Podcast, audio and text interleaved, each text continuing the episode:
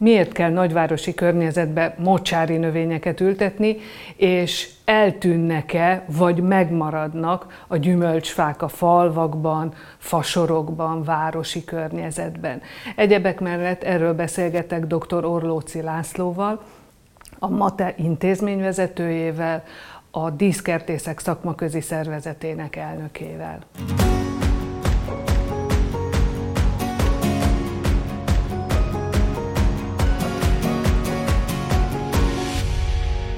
Magyar Mezőgazdaság kiadó nevében szeretettel köszöntöm Önöket, és szeretettel köszöntöm a stúdióban dr. Orlóci Lászlót, a Magyar Díszkertészek szakmaközi szervezetének elnökét, a MATE intézet igazgatóját.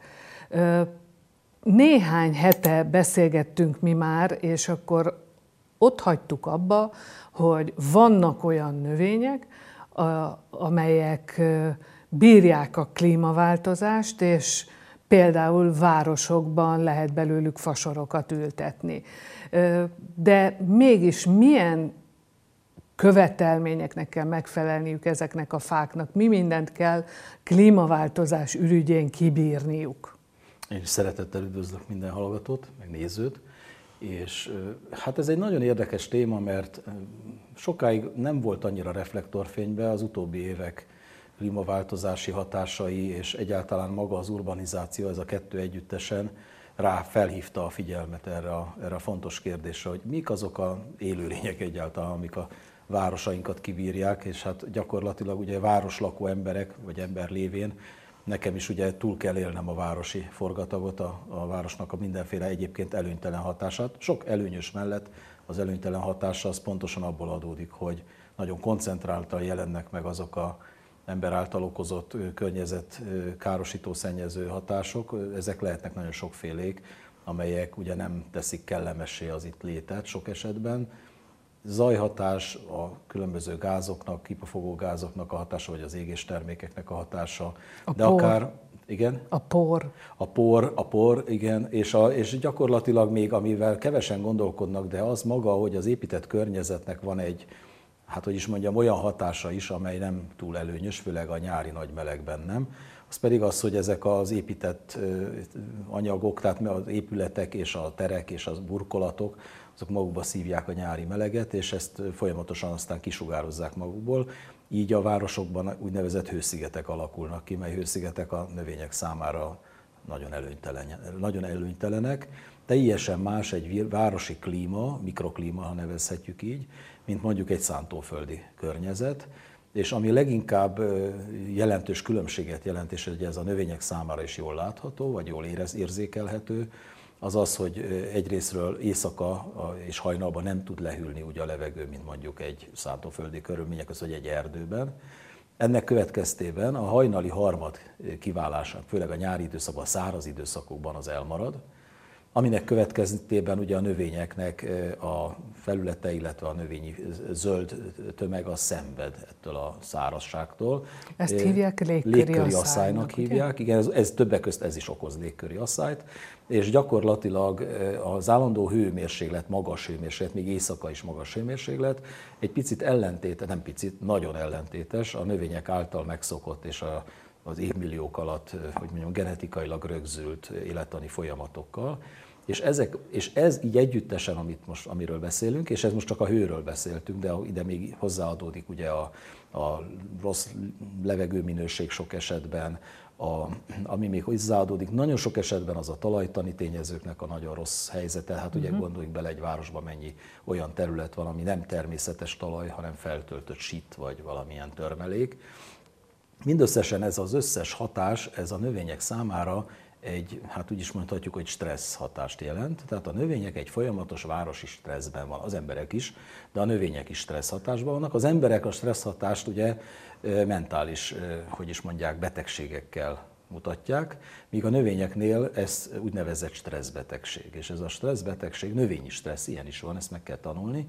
A növényi stressz az úgy jelentkezik egy növény esetében, hogy egyrészt leáll a fejlődésében, növekedésében, másrésztről pedig nagyon fogékony lesz minden egyéb környezeti károsítóval szemben, többek közt kártevőkkel, korokozókkal szemben is, illetve úgymond stresszbetegség jeleket mutat, stressztüneteket, ilyen például nagyon egyszerű ugye az előbb említett légköri asszály, mint egy uh-huh. ilyen stresszfaktor, erre a növény úgy szokott reagálni, hogy a levél széle elkezd beszáradni már nyáron, uh-huh. a friss levél széle, és az egyértelműen nem azért van, mert nincs megöntözve a talaja, hanem azért, mert a levél már azt a nagyon alacsony légköri nedvességtartalmat, ez általában a 20-20% alatti akár, már nem tudja tolerálni, és erre úgy reagál, hogy a zöld felületeit kezdi úgymond elveszíteni, csökken a, a, a fotoszintézises felülete nagysága, párologtató felülete nagysága, és hogyha ez még párosul egy olyan asszájjal is, hogy nincs megöntözve az a növény, akkor ez viszont már nem csak a lombvesztéssel fog együtt járni, hanem, hanem maga a növény is hosszabb távon sérül, akár el is pusztulhat, főleg a frissebb telepítésű növények, aminek a gyökere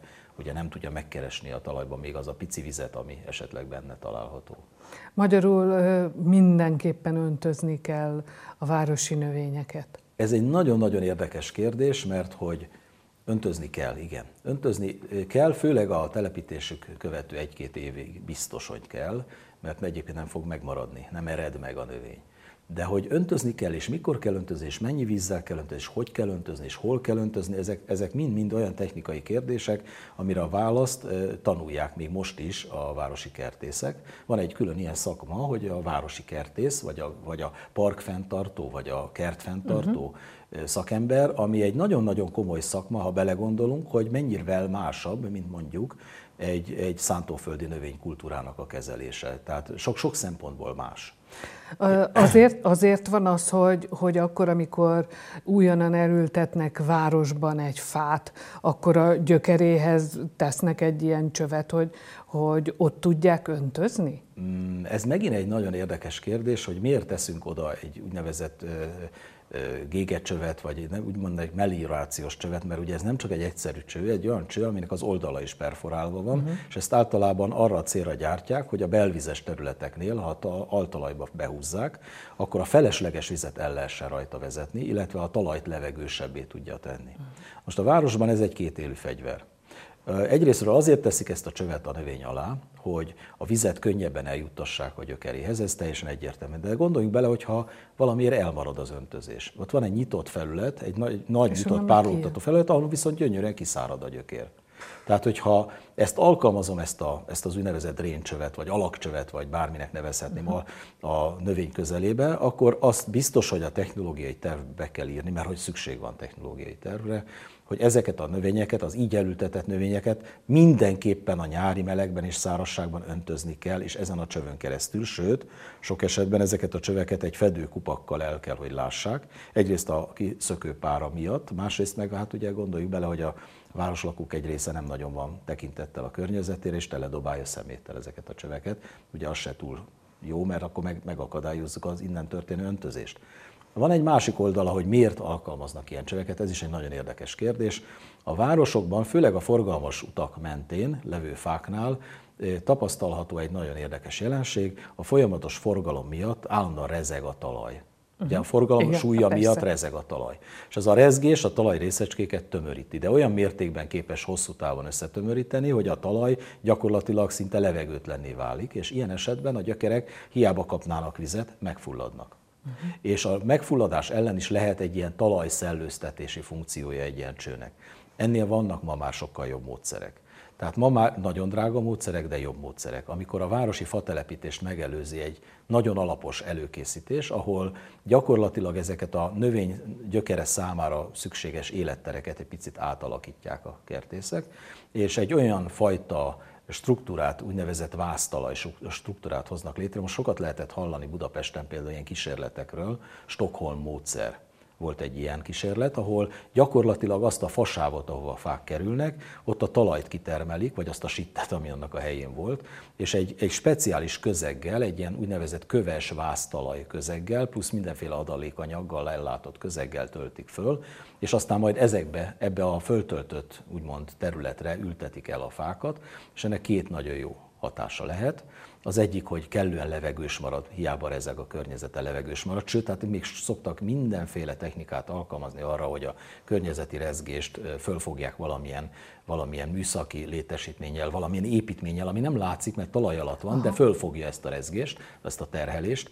De lényeg a lényeg, hogy ez a növény gyökérzete közelében található közeg, ez abban jó, hogy nem tömörödik, nem lesz levegőtlen, és abban nagyon jó, hogyha nagyon ügyesek a tervezők, és úgy terveznek, hogy nem engedik el a csapadékvizet a csatornákba elfolyni, hanem oda vezetik ezekbe a vízgyűjtő területekre, akkor itt ez a csapadék nagyon jól tud hasznosulni a gyökerek számára, illetve megtoldva ezt az egész kérdést, azért mondom, hogy technológiai kérdésről beszélünk, arra nagyon kell figyelni, hogy például a közműveket jól elkülönítsük a fáktól, mert mind a kettő a másikra rossz hatással van. Uh-huh. Egyrészt a közműnek nem jó, ha belenőnek a fagyökerek mondjuk egy csatornába, de nem jó az sem, hogyha bolygatjuk a fák gyökerét, amikor mondjuk azokat Persze. szereljük, javítjuk. Na ez megint egy olyan kérdés, ami technológiai kérdés, illetve jogszabályozás kérdés, hogy ezt hogy lehet úgy csinálni a békés egymás mellett élést, hogy ez is megmaradjon, az is működjön, tehát a városi infrastruktúra tudjon működni, de a városi zöld infrastruktúra pedig kellően meg tudjon maradni, fenntartható legyen. Rendkívül fontos kérdés, és nagyon-nagyon sokat foglalkozik a szakma most ezzel. A, maradjunk a víznél. Ugye a klímaváltozásnak az egyik hozadéka, hogy nagyon egyenlőtlenül oszlik el a csapadék, és mondjuk nagyon sokszor van felhőszakadás. Ezek a területek, ezek képesek egy ilyen felhőszakadásnyi vizet is akár tárolni?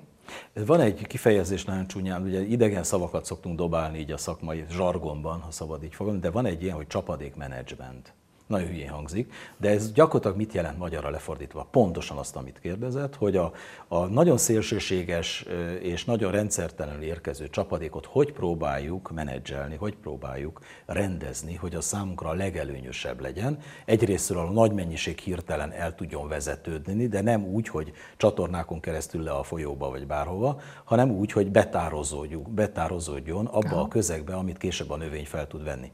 Erre vannak nagyon jó módszerek. Hát az előbb említett módszer az mondjuk a fa közvetlen környezetére hát vonatkozik. De ezen kívül egy csomó olyan módszer van, amivel nem is fával beültetett területek esetében, hanem a tervezés során figyelembe veszik, hogy melyek azok a mélyebb pontjai a nagyobb területeknek, ahol egyébként általában a csapadékvíz összefolyik. Régebben azt csinálták, hogy oda raktak csatorna szemeket, és azt a vizet gyorsan elvezették, mert ugye senki nem Persze. szeretne nyakig vízben. De ha új várostervezést nézzük, akkor abban, abban az irányban látjuk, hogy az útfelületekről, a szilárd felületekről elvezetett vizeket ezekbe a mélyedésekbe úgy vezetjük bele, hogy a mélyedésekből esőkerteket alakítunk ki. Ezek az esőkertek pedig arról szólnak, ezek viszonylag nagyobb területek, tehát nem a fahely, jóval nagyobb, ami hasonlóan, mint az előbb említett, egy víz betározásra, víz raktározásra és e hirtelen elkezelésére, elvezetésére szolgálnak, és ez két részből áll. Egyrészt, hogy azon a területen milyen a talajnak a szerkezete, tehát egy szerkezetet kell kialakítanunk, másrésztről pedig a szerkezetbe beleültetett nő, mert az nem egy csupasz föld, az tiszta gaz lenne, Persze. hanem egy olyan növényi társulást kell létrehozni benne, ami a természetes próbálja utánozni. És milyen a természetes? Ugye ha kimegyünk az Alföldre, és az Alföldnek azon a része, amely nem teljesen sík, hanem kicsit olyan dimbes, dombosabb, ott mindig azt veszük észre, hogy a domb tetőkön ott, ott inkább szárad, ott száraz vegetációk vannak, tehát száraz füves vagy Igen. vegetáció. A domb aljába, vagy hát legalábbis az összefolyókákba, ott pedig egy ilyen Félig meddig nem mondanám, hogy mocsári növények, mert nem igaz ez sem, csak akkor lenne mocsári, hogyha hogy állandóan állna ott a víz, hanem úgy szoktuk mondani, egy ilyen láprét-szerű társulás. Mi a láprét? Az, hogy hirtelen kap egy nagy mennyiség vizet, egy ideig áll rajta a víz, azt azok a növények bírják, hasznosítani uh-huh. tudják, és amikor lemegy róla a víz, és kiszárad teljesen, azt is túlélik ezek a növények. Uh-huh. Ezek nagyon fontos. Valami. De ez egy nagyon érdekes kérdés, mert hogy Magyarországon ilyen jellegű lágyszárú növénytársulások vannak, sőt, sok esetben még akár védett társulások is lehetnek, és ezt egy picit nekünk meg kell tanulnunk és modelleznünk a városi növénytársítás esetében. Tehát hiába, hogy egy mesterséges alkalmazásról beszélünk, mégis valahogy ezt az ökológikus szemléletet be kell vinni. Nem véletlen, hogy a szakma az utóbbi időben nagyon hangosan beszél arról, hogy ökológiai fordulat. Tehát az egész mezőgazdaságban ökológiai fordulat van, és azon belül a ugye angol szó urban gardeningnek mondja, tehát a városi kertészetben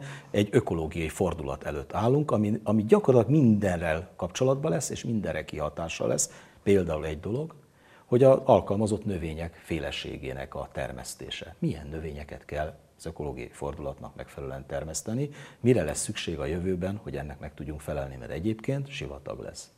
Ö, és akkor milyen növényeket kell termeszteni? Na és ez a jó kérdés, és akkor megint csak vannak, hogy mondjam, kicsit félreértések is, meg félre teóriák. Ha teljesen józanul gondolkodunk, azt mondjuk, hogy vegyük tudomásul, hogy a városi környezet nagyon más, mint a természetes környezet. Ez az első kitétel. Azt elmondtuk az elején, megbeszéltük, hogy mások a feltételek. Vegyük tekintetbe azt is, hogy hogy egy fokozott stressz hatás van, és a stressz hatásnak megfelelő növényfajtákat kell, fajokat és fajtákat kell alkalmazni. És a harmadik, ami nagyon fontos, és keveset figyelünk oda rá, bár most már talán kicsit többet, hogy és a diverzitás, tehát a sokféleségre törekedjünk, ugyanis ha sokféleség van, akkor sokkal, jobb, sokkal, jobb, sokkal ellenállóbb, kevésbé kitett a környezetből érkező mindenféle ártalmaknak. Ezt a három Mert szempontot az egyik kibírja, vesszük, az egyik nem bírja, a másik A másik fogja, vagy az Igen. egyik a másikat erősíteni tudja, uh-huh. mert erre is nagyon sok példa van. Életközösségekről Igen. beszélünk. És hogyha ezt nézzük, akkor azt mondjuk, hogy biotópokat, élőhelyeket alakítunk ki, és az abban alkalmazható növények, amik lehetnek idegenhonosak, lehetnek őshonosak is, nem ez a kulcs, hogy idegenhonos vagy őshonos, az a kulcs, hogy ennek a három szempontnak meg tud-e felelni. Persze törekszünk arra, hogy őshonos növényeket alkalmazunk, mert az a saját hát vegetációnkat, a saját biodiverzitásunkat tudja úgymond erősíteni, de nagyon sok esetben nem lehetséges egy városi környezetben mondjuk egy, egy, egy borókát, mármint a európai borókát, vagy egy, vagy egy, mit tudom én, egy tölgyfát megtartani, mert egyszerűen már nem bírja azt a fajta azt a stresszt, ami, ami ott a mhm. városban van. De lehet, hogy van helyette egy helyettesítő növény, ami viszont alkalmas rá, és akkor be tudjuk illeszteni ebbe a, a növényi közösségbe, ebbe a társulás. Ez egy mesterséges növénytársulás, amit mi létre fogunk hozni, de mindig úgy kell létrehoznunk, hogy figyelembe kell vennünk annak az elemeinek a viselkedését, külön-külön is, meg együtt egymásra hatással is, hogy ezt társulást annak hívják.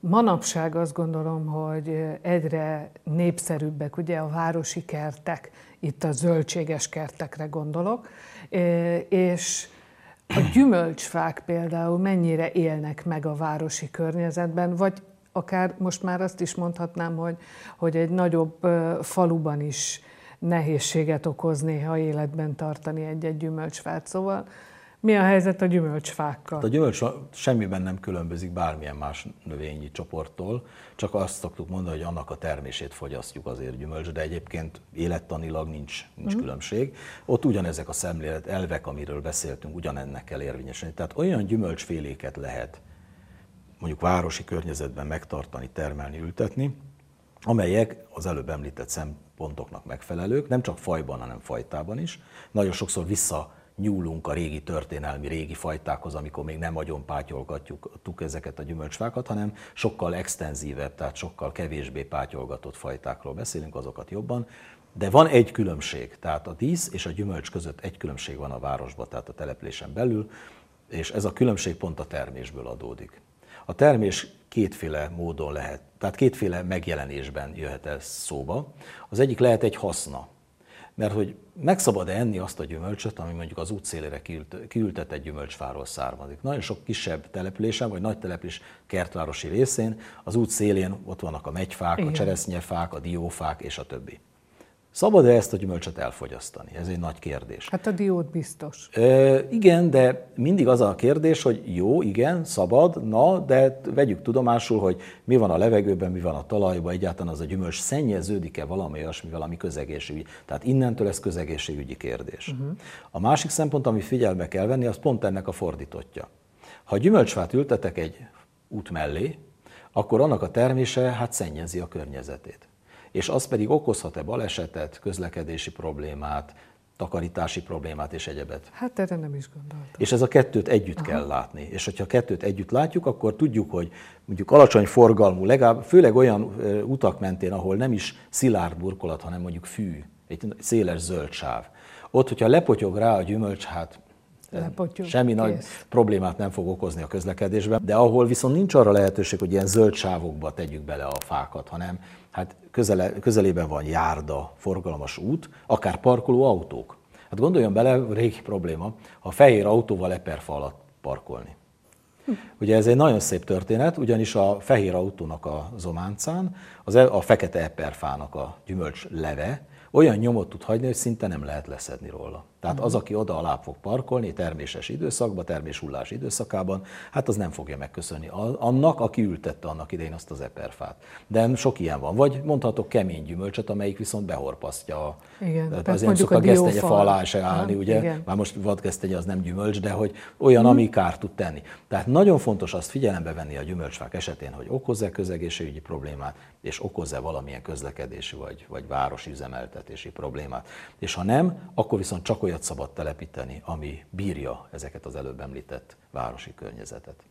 Még uh, ugye beszélgethetnénk még órákig szerintem erről a témáról, de uh, nézzünk egy picit be a, a kertes házakba. Mi az, ahol, szóval hogyan kell mostanában átalakítani úgy a kertet, és itt most a díszkertre gondolok elsősorban, hogy az bírja a klímát, díszítsen, és nyár közepén ne legyen kiszáradva, meg én azt gondolom, hogy ugye valószínűleg nem az a, nem az a megoldás, hogy naponta háromszor locsoljuk a, a pázsitot, hanem valami mást kell ültetni. Mit? Hát igen, igen, ez a kérdés azért izgalmas, mert ha két oldala van megint a dolognak. Tehát, hogyha valakinek sok pénze van, és mégis a nyílt pázsitot szeretni, a angol pázsitot, és tényleg napjában háromszor megy az automata öntözés, mert van pénze kifizetni a, a vízdíjat, vagy, vagy nem tudom, tehát ezt így üzemeltetni, az magánügy. De az viszont nem magánügy, hogy mekkora ennek az ökológiai lábnyoma. És hogy az ökológiai lábnyomot úgy is lehet mérni, hogy ugyan ő kifizeti a vízdíjat, de meg a plusz energiát, de az valahol a Föld egész szumma működésének ökológiai szempontból egy, egy hátránya. Igen. Tehát, hogyha valaki ökotudatosan gondolkodik, akkor valószínűleg nem ebbe az irányba fog. Még akkor sem, ha sok pénze van.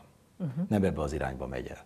Hát ha kivagyiságból, vagy, vagy mit tudom, a szomszédokkal való feltűnőségből, vagy a barátainak a izéjából ragaszkodik ez a nagyon nyírott, csutkára lenyírott pázsithoz, és a mindig üde zöld és, és sportpálya szintű, tehát ilyen kerthez, szíve joga, saját magántulajdon azt csinál vele, amit akar, sőt, megemelkedik a vízdíja, kifizeti, az is magánügye, de azért gondoljon bele, hogy mekkora nyomot hagy ő az utódainak. Tehát neki uh-huh. is mhm. van gyereke, annak is lesz gyereke, unokája és a többi. És akkor kezdjen el azon gondolkodni, hogy az, amit most ő egy picibe csinál, ez olyan, mint hogy eldobom a szemetet, kicsit hasonló, hogy, hogy oké, okay, láthatólag nem okoz nagy traumát a föld életébe az ő egyedi tevékenység. De ez mind összeadjuk, akkor annak van egy ökológiai lábnyoma, az okoz. Ez az egyik a szemlélet. A másik, hogy mit lehet tenni. Hogy valószínűleg el fog menni a kertkultúra, már elindult ezen az úton, az organikus kertek, tehát az olyan típusú kertek irányába, ami nem biztos, hogy ennyire agyon művelt, de és ebben van a nagy, hogy is mondjam, huncutság vagy csavar, hogy sokkal nehezebb létrehozni egy olyan kertet, ami látszólag vad kert, de mégsem az, mert kert, mert művelt, mint az, hogy tényleg csutkára lenyírom hetente egyszer a füvet. Tehát a kettő szakmai szakértelem szempontjából sem ugyanaz, meg a kezdeti energiák, befektetések szempontjából sem az. Hosszú távon viszont nagy valószínűséggel a fenntarthatóság oldalán van az organikus kert. Tehát, hogy a fenntarthatósági szempontból az organikus kert az, az fenntartható, kicsi, sőt, nulla, az, sőt plusz, plusz az ökológiai lábnyoma az pozitív előjelő, még hasznot is hajt, mert menedéket ad egy csomó élőlénynek, mert nincsen semmiféle kártékony hatása, sőt, úgy szoktuk mondani, hogy az ökológiai szolgáltatása az jóval magasabb szintű, tehát mindenféle olyan dolgot, ami a haszna ezeknek a növényeknek, az ott előjön. És viszont a, a, ehhez meg kell tanulni ezt a fajta kertészkedést, és ami a legfontosabb, talán ez a legnehezebb, a közvéleményt vagy a köztudatot kell befolyásolni, és erre valók ugye az újságok, a tévé, a médiák és mindenféle egyéb, hogy ez gyorsan nem fog menni, erőszakból biztos, hogy nem megy. Azt szokták mondani, hogy legyen trendi.